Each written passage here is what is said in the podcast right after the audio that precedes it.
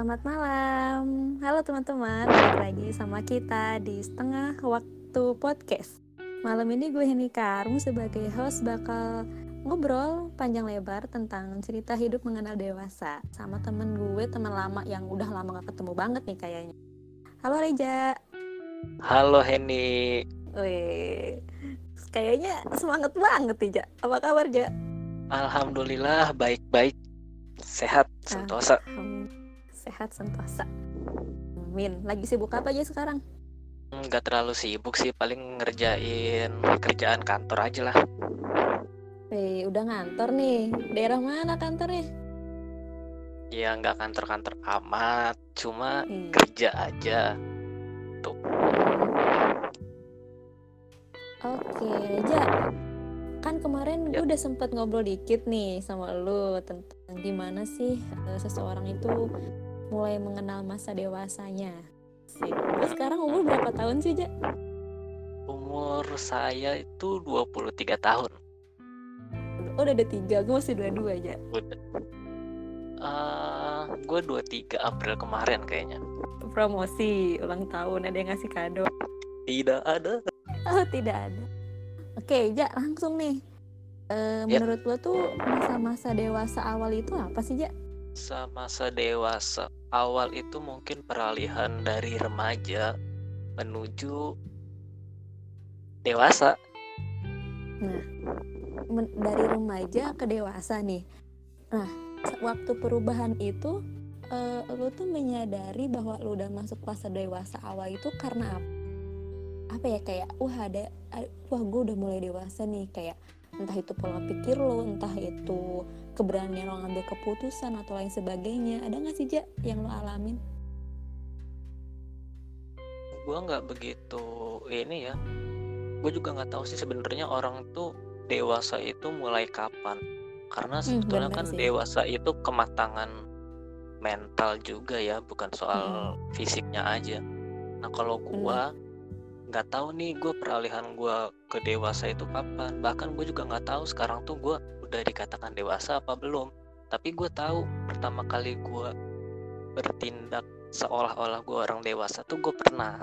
Nah itu pas tahun 2009 kayaknya. Kayaknya umur gue 12 tahun deh itu kayaknya masih kelas 1 SMP Mm-mm. jadi waktu itu kan eh, bokap gue meninggal. Mm. nah itu dari Spanyol kan gue kan di pesantren nih Iya. Nah, gue tuh dijemput sama tante gue. Gue manggilnya bule Hmm. sih. Nah, bule Hmm. gue tuh jemput, terus ngasih kabar kayak gitu. Nah, itu kan perjalanan dari rumah gue ke pondok itu kan satu jam. Nah, Iya. selama satu jam itu, oh, sorry, maksud gue dari pondok ke rumah itu satu jam. Mm-mm. Nah, satu jam itu gue nggak nangis tuh. Oh, Terus selama di rumah pun gue ngelihat eh, jenazahnya pun gue nggak nangis. Mm. karena yang gue tahu ya udah waktunya aja saat itu gue tahu itu udah waktunya aja gitu Mm-mm. gue nggak tahu itu sebuah fase ker apa sebuah fase dewasa karena gue waktu itu masih anak kecil kan Iya. yang gue tahu itu setelah gue mulai umur 22 sih gue Berarti setelah lulus pondok ya? iya umur 22 tuh gue udah semester 4 apa ya apa pokoknya gue udah iya, kuliah udah udah udah mau semester beres delapan sih. udah mau selesai Mm-mm. nah itu gue mikir-mikir lagi gue tuh kapan ya berarti kayak orang dewasa jawabannya itu pas waktu itu karena gue nggak nangis bukan karena gue nggak sedih gue sedih tapi gue tahu itu ya emang udah waktunya aja gitu Hmm. Berarti berarti kalau gue lihat dari sudut pandang lo tuh kayak berarti sebenarnya kedewasaan itu nggak bisa kita lihat dari kuantitas umur ya, Ja? Ya nggak sih? Kan- iya nggak Jadi dewasa itu kayak ya nggak bisa lo bilang umur lo udah mau umur lo udah 30 kalaupun emang tingkah lakunya masih kayak anak kecil oh emang kita bisa dibilang dibilang dewasa gitu kan ya Ja? Iya betul, bahkan gue sekarang umur 23 tahun, gue masih uh, jailin adik gue, adik gue kan kira-kira umur 12 tahunan nih sekarang nih. Gue masih kalau ketemu dia gue jahilin itu kan sifat kekanak-kanakan banget. Nggak dewasa Hmm. banget lah kalau ngelakuin itu. Makanya iya sih sebenarnya gue udah dewasa. Yang gua Tapi ada nggak sih Ja kayak dulu tuh lo kayak waktu masih remaja kan kalau remaja itu kan eh, masa-masa bimbang ya misalkan kayak emosi belum stabil atau gimana kayak ya udah semau gue aja gitu kan. Tapi kalau misalkan udah mungkin kalau mulai semakin lo makin banyak pengalaman atau makin apalah itu kayak ada nggak sih kayak satu momen yang bikin lo tuh oh gue tuh harus berpikir kayak gini nih oh gue nggak bisa ngambil ke apa ya ngambil keputusan asal atau gimana pernah nggak aja kayak entah itu di organisasi mungkin atau di keluarga atau mungkin di kampus atau ngehadepin temen yang mungkin nyebelin atau gimana? Kalau gue kayaknya pas di keluarga sih. Jadi setelah kan gue tadi cerita tuh bokap gue meninggal gue nggak nangis tapi Mm-mm. ada masa dong ketika gue ternyata nangis. Ya nggak sih? Bener bener. Itu pasti. terjadi karena gue sadar. Sadar gue sadar nih memang bokap gue udah nggak ada karena udah waktunya tapi Mm-mm. setelah satu bulan itu gue juga sadar kalau ternyata adik gue ini bakal hidup tanpa sosok bapak. Nah itu yang Hmm. membuat gue nangis.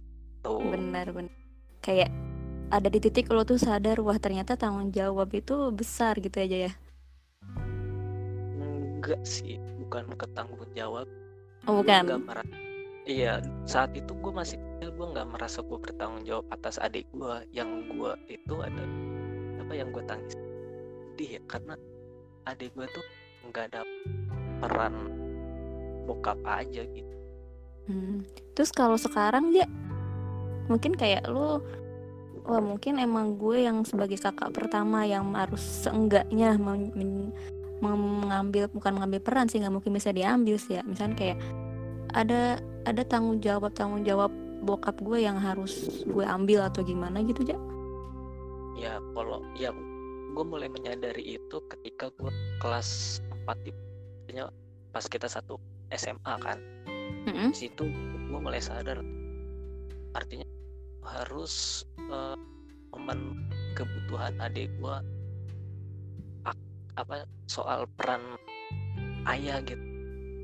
Udah nggak nah jadi gue mulai pelajarin tuh sebenarnya kalau perempuan itu apa harusnya apa itu kayak masuk kalau misalnya dia nanti pergaulan ketika dia SMP SMA bahkan kuliah gimana cara dia bisa beradaptasi gitu?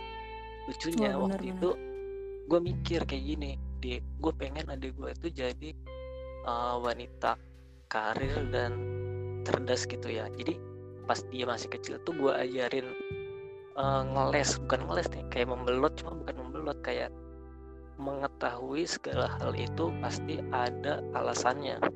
Kayak misal adik Mm-mm. gue tidur tuh kenapa harus di tempat tidur kayak gitu? Kenapa harus di kasur yang atas nggak di bawah?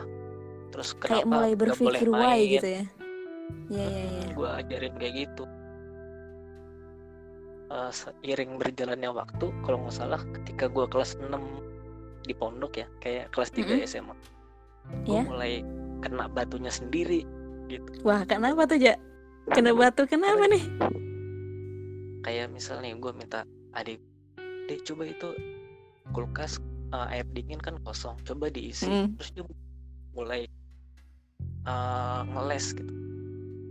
Aku yang itu apa nggak mas aja ya lo kan udah nih lo bukannya kalau ngisi lagi mas dapat pahala ya? Tuh. Terus gue bilang kan iya tapi kan mas pengen adek dapat pahala. Terus dia bilang apa coba apa? Aku aku bakal dapat pahala kok kalau ngizinin emas ngambil airnya lagi. Kan mas dapat pahala. Karena aku ngizinin emas dapat pahala aku dapat pahala. Nah itu udah mulai gua. Oh tapi berarti pendidikan lu berhasil dong ya sama adik lu ja tapi nyebelin. Bener sih. Gitu sih. Bener bener bener. Tapi kayaknya lumayan rame sih ja kalau misalkan gue jadi adik lu gitu ya. Kayak gue tuh seneng gitu ya ngedebat ngedebat kakak gue sendiri gitu. Iya. Ya sebenarnya kalau debat-debat kayak gitu nggak terlalu ini sih karena untung aja ya untung dia ranking satu mulu pas di SD tuh. Mm-mm. jadi gua nggak begitu nggak begitu sakit hati banget lah kalau digituin sama dia ya. Oh iya. Lo biasanya emang lo- emang lo berapa aja di SD ya ranking berapa paling tinggi gue kelas 4 ranking 4 oh iya. Tanya nggak cuma 10 besar aja. Oke lucunya oke. itu pas gue SD itu pas gue SD itu balik kelasnya itu sama pas adik gue SD juga. Hmm, Nah, jadi kenal dong berarti. iya si wali kelasnya itu sangat membandingkan gue adik gue kan berprestasi. Hah? nah adik gue berprestasi itu dibilang kayak gini sama uh, wali kelasnya wah kamu adiknya ya, dulu kakak Hmm. kamu ya naik naik meja kamu sekarang berprestasi. Oke. Berprestasi sekali ya. Prestasi dia itu bikin gue bener-bener oh ini yang gue dulu ajarin. Tapi ja tapi emang iya sih eh kadang gue juga berpikir bahwa kedewasaan itu kan ya nggak bisa dihitung umur juga kan. Tapi kalau misalkan kita ambil rentang waktu let's try lah kayak kita ngikutin eh, teori salah satu psikolog atau gimana kayak eh, manusia yang udah menuju umur 21 ke atas itu kan udah mulai masuk dewasa awal gitu ya entah itu kita masih tapi tetap ya kita lagi kayak kedewasaan itu ya tergantung kita. Kayak kita nggak tahu kapan kita bisa bersikap dewasa. Nah kalau misalkan kita pakai rentang waktu itu selama Iya. lu mulai dari umur 21 tahun yang kemarin lo ulang tahun bulan April itu jadi 23 kira-kira apa sih Ja suka duka yang lo alami selama umur itu gitu? Kayak dukanya entah kayak dukanya tuh lo harus ngalah mulu sama orang atau gimana tuh pernah gak sih kayak ada di satu posisi yang lo tuh nggak suka banget gitu atau apa Eh, kalau perubahan yang signifikannya banget dari Mm-mm. peralihan umur gua itu artinya dari peralihan yang katanya masa-masa menuju dewasa itu mungkin Mm-mm. ke sikap jadi Sikap. dari dari gua yang sifat egoisme tiba-tiba Mm-mm. perlahan-perlahan menjadi altruisme. Mm-mm. jadi dikit dikit dikit dikit. Jadi ntar tiba-tiba jadi eh, altruisme itu kayak idealis. Kalau pokoknya balikannya dari egoisme gitu loh. Kalau ego kan memikirkan diri sendiri. Kalau altruisme itu kan berarti memikirkan orang lain.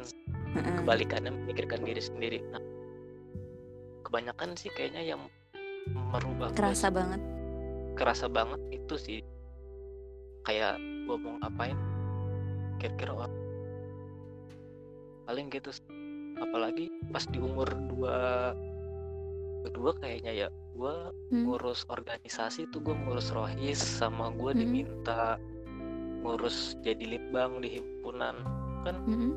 gue ada banyak waktu yang kalau gue habisin satu jam aja untuk Mm-mm. organisasi yang satu kalau itu Iya. merugikan organisasi yang lain kan bahaya juga ya gitu iya jadi gue mulai mikirin tuh kalau misalnya gue ngelakuin ini kira-kira ntar di organisasi organisasi yang sana gimana ya termasuk ke Mm-mm. orang sih kayak kita di kampus terlambat ngerjain tugas nih nanti koordinator kuliahnya eh, gimana ya gitu repot ya? apa enggak ya kayak gitu. Iya bener-bener mungkin ini itu sih apa namanya eh, salah satu tahapan.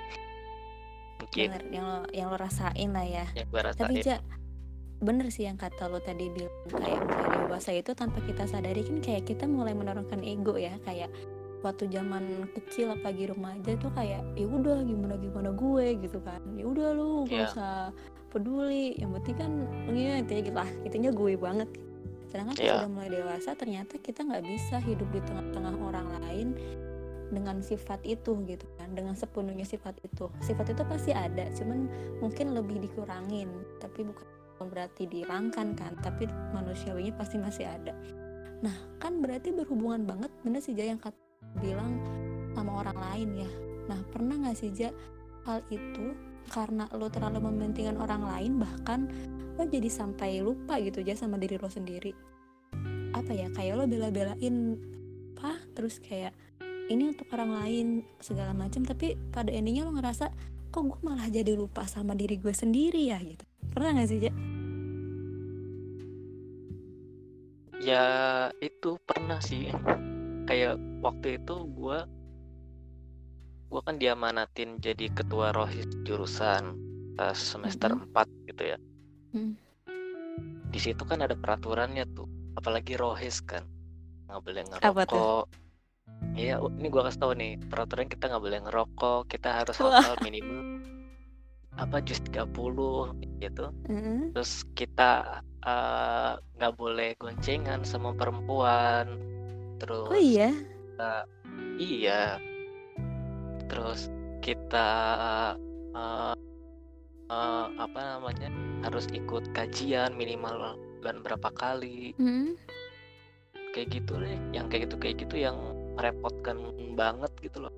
Nah itu gue jadi lupa diri karena ada bagian-bagian dari situ yang eh gue tuh enjoy ngelakuin. Ya gue bareng main sama teman-teman yang perempuan enjoy aja kan maksudnya tiba-tiba jadi Mm-mm. dibatasin kan kita nggak enak lah ya Iya. apalagi alasan gue menjadi ketua itu bukan karena iman gue yang paling bagus justru Tapi? karena gue yang justru karena gue yang paling supel aja udah cuma kayak gitu karena gue yang paling supel gue bisa ngerangkul adik-adik kelasnya bisa Mhm. menjembatani komunikasi sama kakak kelas gitu Benar-benar.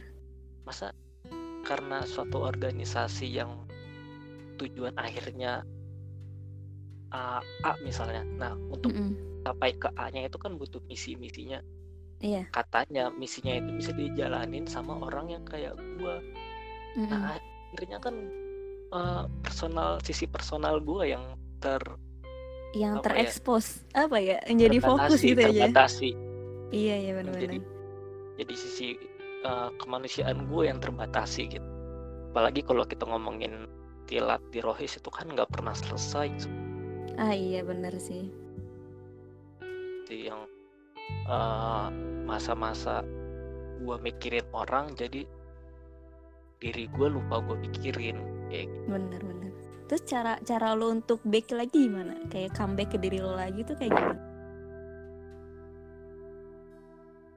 waktu itu kan gue dilarang untuk merokok Mm-mm. gue tuh emang bukan perokok Iya. gue kalau misalnya itu ya gue bisa lah gitu maksudnya gue gue nggak cemen-cemen banget yang nggak bisa ngerokok gitu Cuma maksud ketika gue udah sebelum sebelum gue itu kan gue pernah ngerokok ya pas SD segala macam Heeh. ketika gue dilarang hari H LPG laporan pertanggungjawaban besoknya ya gue sebat gitu.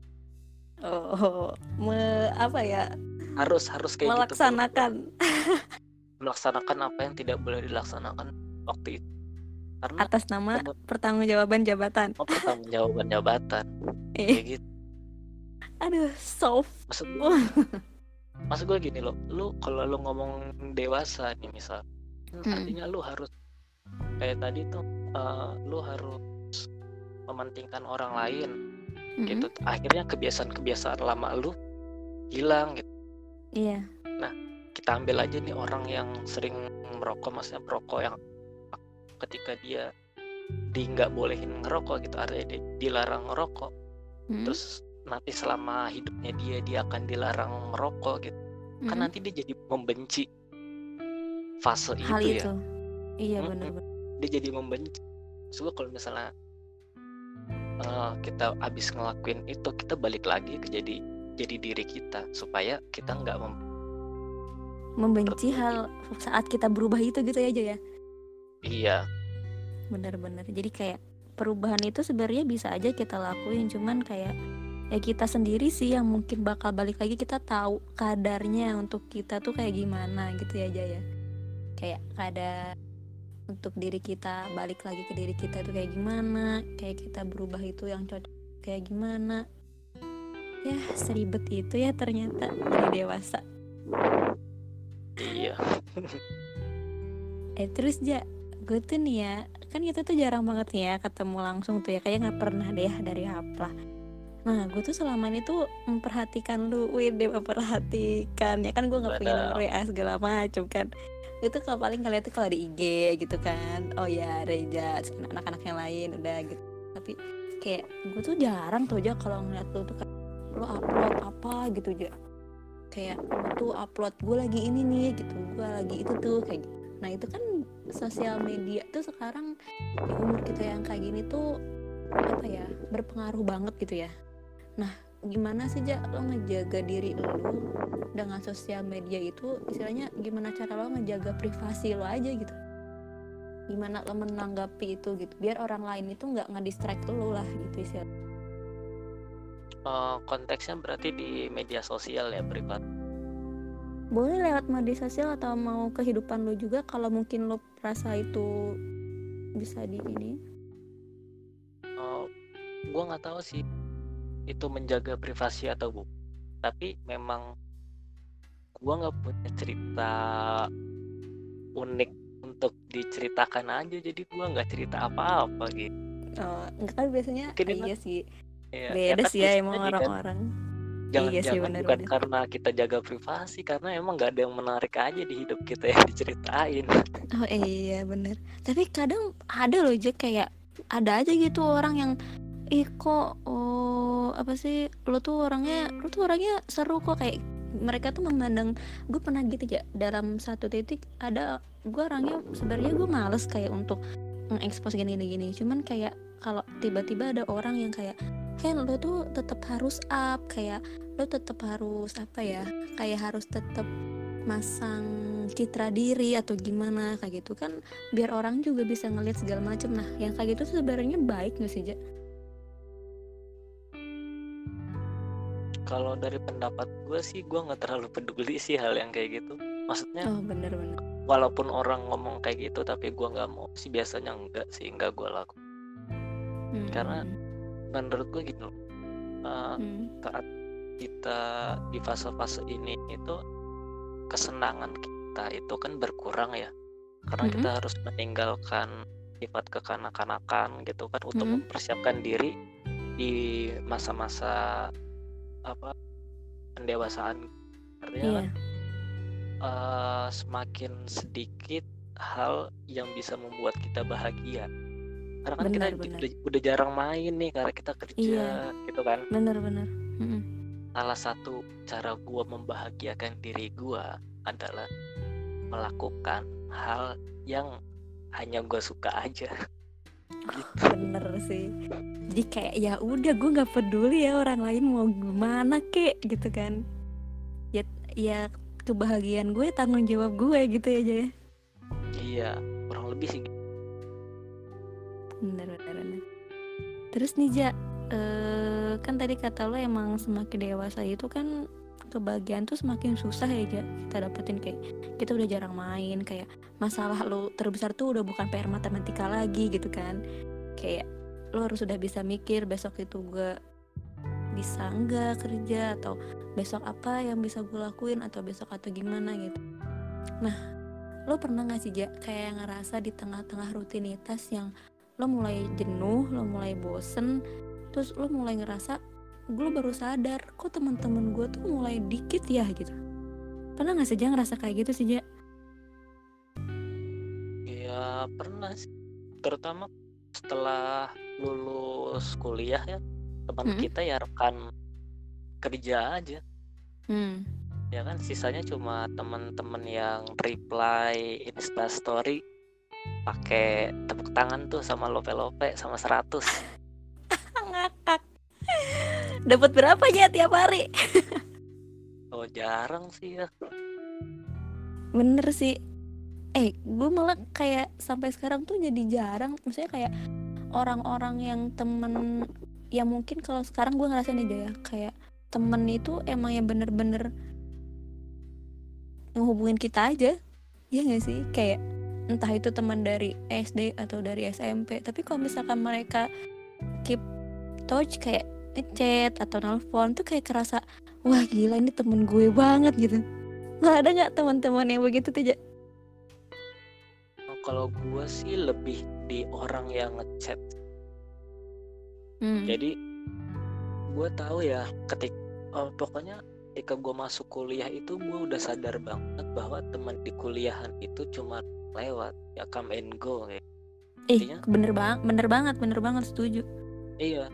Tapi nggak sampai apa nggak berhenti sampai di mikir itu aja hmm. jadi karena gue tahu anak-anak kuliahan itu datang dan pergi Mm-mm. terus gue tahu nih orang yang kerja itu temannya sedikit jadi gue Mm-mm. mulai pelan-pelan uh, apa ya nyari teman-teman tuh yang kayaknya tulus nih wah ngerti nggak mau yang cowok mau Mm-mm. yang cewek jadi tuh gue sangat perhatiin kualitas pertemanan gue selama di kuliah Mm. jadi ketika gue udah ngeh dia tuh berteman dengan gue tulus itu gue Hmm. tahan jadi gue ingat terus gue apa namanya Jaga. uh, keep in touch kayak gitu Mm-mm. jadi beberapa itu ntar gue chat nah gue orang yang ngechat itu karena bagi gue di masa yang kita teman semakin sedikit investasi terbaik itu selain kesehatan ya pertemanan. Mantap, keren nih kuatnya. Prestasi terbaik selain kesehatan ya pertemanan, bener bener bener. menurut gue sih emang- gitu Tapi emang kerasa banget sih Ja, kayak ya mungkin kalau kita backgroundnya dari pondok ya maksudnya teman-teman pondok ya emang udah deket banget ya. Cuman kayak kalau pas udah kuliah tuh bener-bener kita tuh kayak neliti orang gitu kan. Wah ini orang kayaknya tulisnya ke gue temenan atau gimana atau ya jadi makin pinter nyeleksi orang ya aja ke sininya aja Iya, kalau gue gini, kalau pas gue di pesantren itu pertama gue belum mikir sejauh itu. Yang Mm-mm. kedua, kalaupun dipikir-pikir, kita tuh udah berteman enam tahun. Nah, teman Iya. yang udah berteman dengan kita enam tahun itu udah nggak perlu diuji lagi, menurut gue. benar-benar iya sih benar teman yang kuliah itu emang empat tahun, tapi kan nggak kayak di pesantren yang ketemu setiap hari gitu. iya benar Jadi kita apa ya searching teman-teman tuh dilihat ini Mm-mm. oh kita tahu nih kalau dia ngomongin temennya depan kita artinya suatu saat dia bisa ngomongin kita di depan orang lain bukan orang lain ih keren bener-bener terus kayak pernah nggak sih aja kayak tapi emang kalau gue ngelihat apa ya kayak obrolan-obrolannya Najwa Shihab, Agnes atau apa gitu kayak emang mereka juga ternyata merasakan itu sih ja. Kayak teman teman kerja teman kerja ya teman kerja teman collab ya teman collab. Tapi kayak yang sebenarnya real temen lo tuh yang yang lo nyaman untuk lo ajak ke hangout atau apa Iya, ya? Iya nggak sih? Kayak yang lo lo telepon nyampe berjam-jam itu dia nggak apa ya nggak bosen. Tuh kan itu the real itu teman kayak gitu. teman. Bener-bener. Tapi lo masalah nggak sih ja sama lingkaran pertemanan yang lo rasa semakin dewasa semakin kecil gitu? Kayak kok teman-teman gue yang gue hubungin itu lagi itu lagi gitu. Atau gimana gitu. Lo ngerasa masalah nggak sama itu? Kalau semakin mengecil sih gua nggak masalah ya. Gua masalahnya kalau udah semakin mengecil terus kualitasnya juga nggak ada. Jadi kan gue udah Hmm. bilang nih pas gue itu tuh gue cari teman-teman gue tuh dan gue tuh bener-bener nyari. Makanya pas gue nulis di Tumblr itu gue Iya. ketemu temen yang emang eh, membawa gue di lingkungan bagus banget. Iya sih, tapi emang emang keren sih ya kalau lo- gue pas gue baca cerita lo itu boleh disapa dong teman-temannya aja. halo guys. Jadi teman-teman gue ada lah gitu. Iya. Halo guys, Reja bangga punya teman seperti kalian. Tapi emang keren sih, emang kadang udah ke sini mikirnya ya temen ya bukan sekedar kuantitas ya Ja. kualitas tetap baik. ada satu teman yang sifatnya itu dia nggak akan pernah mau berhutang budi Hmm? itu salah satu dari ketiga teman gue itu tadi yang paling deket gitu jadi Hmm? misal nih lu temenan sama dia lu Iya. ngasih lu beli jajan gitu misal lu beli ciki kan gak enak nih makan sendiri mau bagi-bagi kan Mm-mm. Mm-mm. nah dia itu salah satu orang yang nggak akan mau ngambil ciki lu Serius? serius Tapi ke- kenapa gitu? tapi gue tapi tapi karena gue dekat sama dia gue tahu caranya komunikasiin itu supaya dia bisa ngambil gue nah, Hmm. waktu itu kita pernah beli sempolan gitu ya beli sempolan ayam rame-rame tuh di studio arsitektur Hmm. seperti biasa teman gue yang beli itu kan pengen nih makanannya itu dimakan sama temen dia yang lain kan pasti seneng kan Iya. orang iya ada dimakan. seneng teman-teman gue itu nggak makan hmm. gue bilang lah ke dia ah gue nyapa nama panggilannya tapi di sini gue bilangnya bro aja ya iya yang bahaya kalau disebutin ya bro ini ambil aja kalau lu ambil orang yang ngasih itu merasa senang. Hmm. nah itu dia ambil. Nah gue tuh tahu sebenarnya alasan dia itu bukan eh, supaya si itunya supaya yang ngasih senang. Nah si sama jadi alasan sebenarnya itu dia nggak mau berhutang budi orangnya. Dia nggak mau nih ketika nanti dibantuin tiba-tiba ntar ditagih kan gue udah bantuin lu.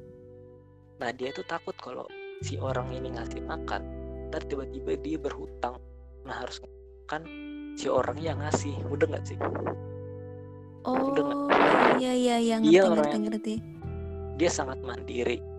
Dan gue tuh Oh. sadar di- dia tuh orangnya kayak gitu. Makanya gue bilang kayak gitu. Tapi gue Mm-mm. nggak bilang tapi gue nggak bilang kayak udah ini lu makan aja uh, lu nggak akan punya hutang budi apa apa gitu. Enggak gue nggak bilang kayak gitu. Tapi gue bilangnya kalau lu makan ini orang yang ngasih itu akan merasa akhirnya dia makan juga. Iya sih bener-bener gitu. Emang ribet ya prinsip orang tuh ya macam-macam aja ya. Iya benar. Iya, Terus ada lagi. kita. Apa ada lagi nih teman gue yang dia itu orangnya tuh keimanannya itu kuat lah. Kayak sholat tepat waktu. Terus kalau Hmm. kita di kantin azan ayo weh sholat sholat sholat gitu. Iya. Nah suatu saat pernah nih kita kita kan temenan berempat ya. Terus Mm, ada empat lainnya. Artinya kan kita ada delapan orang mm, kita lagi di kantin nih nunggu mie goreng. Iya. Nah, mie gorengnya itu lagi di, udah dipesan lagi dibuatin. Belum Mhm. datang tiba-tiba azan. Nah teman gue tuh bilang eh yuk sholat dulu yuk gini gini gini gini. Sholat dulu. Nah kan dia keras sebetulnya sama dirinya dia sendiri. Tapi Mm-mm. gue sebagai teman yang gue ngerti dia udah lama gue bilang ke dia Iya. kalau lu nyuruh kalau lu nyuruh kita empat orang ini untuk sholat itu nggak akan menjadi masalah tapi kalau lu nyuruh empat orang sisanya untuk sholat saat itu juga dia bukan cuma membenci lu jangan-jangan dia nanti membenci ajaran Islam. Bener-bener terus Jadi dia ya ngerti gitu aja Iya, akhirnya dia luluh. Iya dia ngerti kok. Oh iya.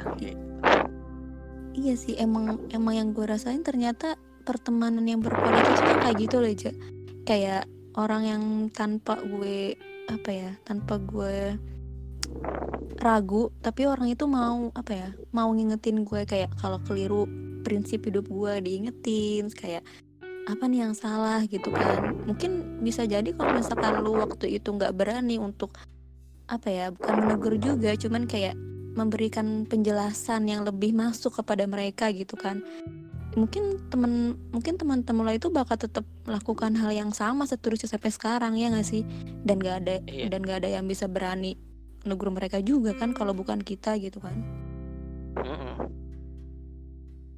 Iya iya benar-benar orang teman-teman gue itu ya beberapa yang gue tahu ini aset terbaik yang bisa gue miliki nih nanti ke depannya yaitu ya gue gue dijaga ya aja ya? walaupun dia nggak ngechat gue gue tetap harus chat dia lah pokoknya. iya lah iya so- soalnya gini beda loh teman-teman kita di pondok sama teman-teman kampus kita tuh Iya. Eh, se se ngerasanya gue nih misal lu kan teman lu kan teman eh, pondok gue ya Hen sama Mm-mm. Via sama Icang nah kalau misalnya gue selama tahun nggak ngechat kalian nah, teman-teman gue di pondok tiba-tiba gue datang ke kalian minta tolong Mm-mm. pasti kalian tolongin pasti dong nggak peduli itu siapa-siapa Beda. pasti gue tolongin beda iya beda sama teman kampus kita nggak ketemu dua tahun aja bisa jadi kita nggak ditolongin Mm. udah nggak sih? sih iya iya ini juga ini eh, gua terinspirasi sama ceritanya Nabi Mm. jadi kan ada kalau nggak salah kaum Ansor sama kaum yang dari Mekah tuh yang eh yang hijrah tuh. Nah dia bilang ah, si yang dari yang teman Nabi dari lama itu dari Mekah tuh kan bilang kenapa hartanya kebanyakan dikasih ke kaum yang lain? Kenapa nggak ke Mm-mm. kita yang paling deket? Gitu. Nah Iya, Nabi iya. bilang karena kalau kamu itu pasti akan selalu ada gitu kan. Tapi belum tentu Iya. si Orang yang lain itu kan. Ya, tapi gue takut salah sih yang ngomongnya. Ya nggak apa-apa lah. Inilah Nah. pemahaman kita. Tapi emang iya sih. Maksudnya pemahamannya kan ya jadi pemahamannya kayak orang yang justru maksudnya bisa dikatakan jauh atau maksudnya bukan jauh juga apa ya kayak masih baru lah dalam hidup kita iya kayak masih baru masih baru tapi kita ngelihat kayak wah ini kayaknya orang ini bakal ada terus di lingkaran sama gue gitu kan ke depannya. Berarti ya gue harus ngejaga dia dong gitu kan maksudnya. Iya. Apa pun lah misalnya kayak secara secara kebaikan ya kita juga harus ngejaga dia gitu kan. Karena kalau orang-orang yang sekitar kita mah udah deket ya kayak udah nggak ada alasan lagi lah untuk mereka nolak atau gimana gitu kan. Malah kalau kalau nolak tuh kayak sungkan loh jatuhnya nggak sih kayak iya. Apa sih gue? Gitu kan. Malah gue tuh dulu aja kalau mas waktu masih di Bandung tuh gue paling seneng sih kalau ada teman yang teman pondok nih tiba-tiba Hen eh, hari Minggu ada di kosan. Ada. Gue ke sana ya. Itu kayak gila lo dari Jakarta misalkan atau dari Tangerang. Ada apa? Gue ada acara ini ini. Tapi kayak mereka tuh ngehubungin gue gitu kayak maksudnya maksudnya kan di daerah situ tuh maksudnya nggak cuman gue gitu kan yang tinggal di sana. Cuman kayak tiba-tiba mereka tuh ngehubunginnya ke gue tuh kayak wah kayak ya walaupun mungkin mungkin tujuannya maksudnya ya dia pengen aja ke gue gitu kan. Cuman kayak Iya. wah gue kayak seneng banget istimewa banget gitu. Gue masih diinget dia merasa untuk- dihargai kehadiran lo di gitu. Bandung kan? Nah gitu kayak oh gue punya temen di Bandung wah ini gitu kayak wah gitu. Kayak wah seneng banget gitu aja itu kalau udah ada yang temen gue yang kayak gitu udah di segala rapat gue batalin aja tuh dulu. Bahasanya mah gitu. Tapi sayang aja lo belum ke Bandung ya aja wah iya Ayo, kita ditunggu- dulu nggak punya uang ya. Bener ya aja sun lah sun. Udah- giliran punya uang giliran dulu kita ada waktu ya kita nggak punya uang. Giliran sekarang uangnya mulai ada dikit-dikit nggak ada kagak waktunya. waktu. tapi kayaknya nanti nanti juga ada ada caranya semesta untuk mempertemukan ya Wede temen lo itu kan di Bandung kan ya dua orang itu kan? Iya dua orang teman gue itu di Bandung. Hmm. gue tuh pengen ya apa namanya ketemu sama dua teman gue itu lagi. Dia itu Mm-mm. mereka berdua itu kan rutin ngaji di Masjid Salman ITB kan. Mm-mm. terus mereka berdua juga udah punya guru tahfiz gitu loh. Kalau misalnya mereka udah hafalan surat apa ntar mereka nyetor ntar dibenerin. Terus ntar tiap beberapa minggu murojaah lingkungan itu loh yang sebetulnya. Wah. Lu lu pengen banget gitu ya lu- terbaik. Menurut prestasi gue terbaik. investasi terbaik eh oke oke berarti nanti boleh itu aja kuatnya investasi terbaik yang kita punya sekarang kesehatan adalah pertemanan pertemanan Oke oke. Eh Ja, seru sih Ja ngobrol sama lo. Tapi kayaknya kita nggak bisa nggak bisa nyampe sejam dua jam juga. iya iya iya. Ini kita keep aja nanti ya buat bahan kalau kita ketemu ngobrol langsung nanti kita rekaman lagi nih Ja. Seneng banget Siap. pokoknya bisa ngobrol sama lo. Aja sebelum beres gue punya game kecil-kecilan nih Ja sama lo. Mau nggak? boleh Gue boleh ada five quick question gitu. Jadi nanti gue gue nyebutin dua hal, lo pilih satu hal ya. Tapi cepet jawabnya. oke Oke. insya Allah Siap. Yang pertama, main petak umpet apa main PS1? main PS1 Kerja kantoran atau kerja rumahan? kerja rumahan Ninggalin atau ditinggalin?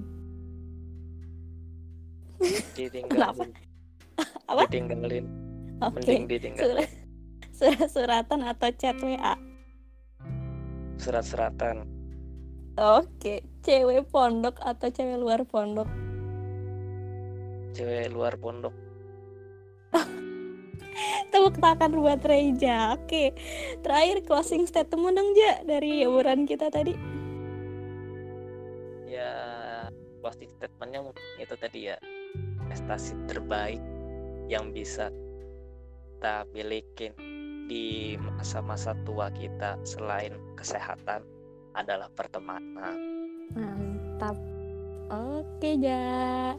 Kalau dari gue sih ya, Siap. teman-teman, eh masa kecil itu penuh cita-cita, Ja. Masa remaja itu penuh cinta, katanya.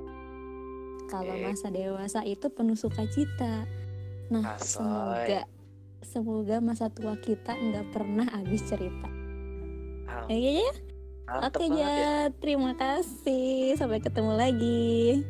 Sama. Oke, teman-teman. Makasih ya. See you. See you guys.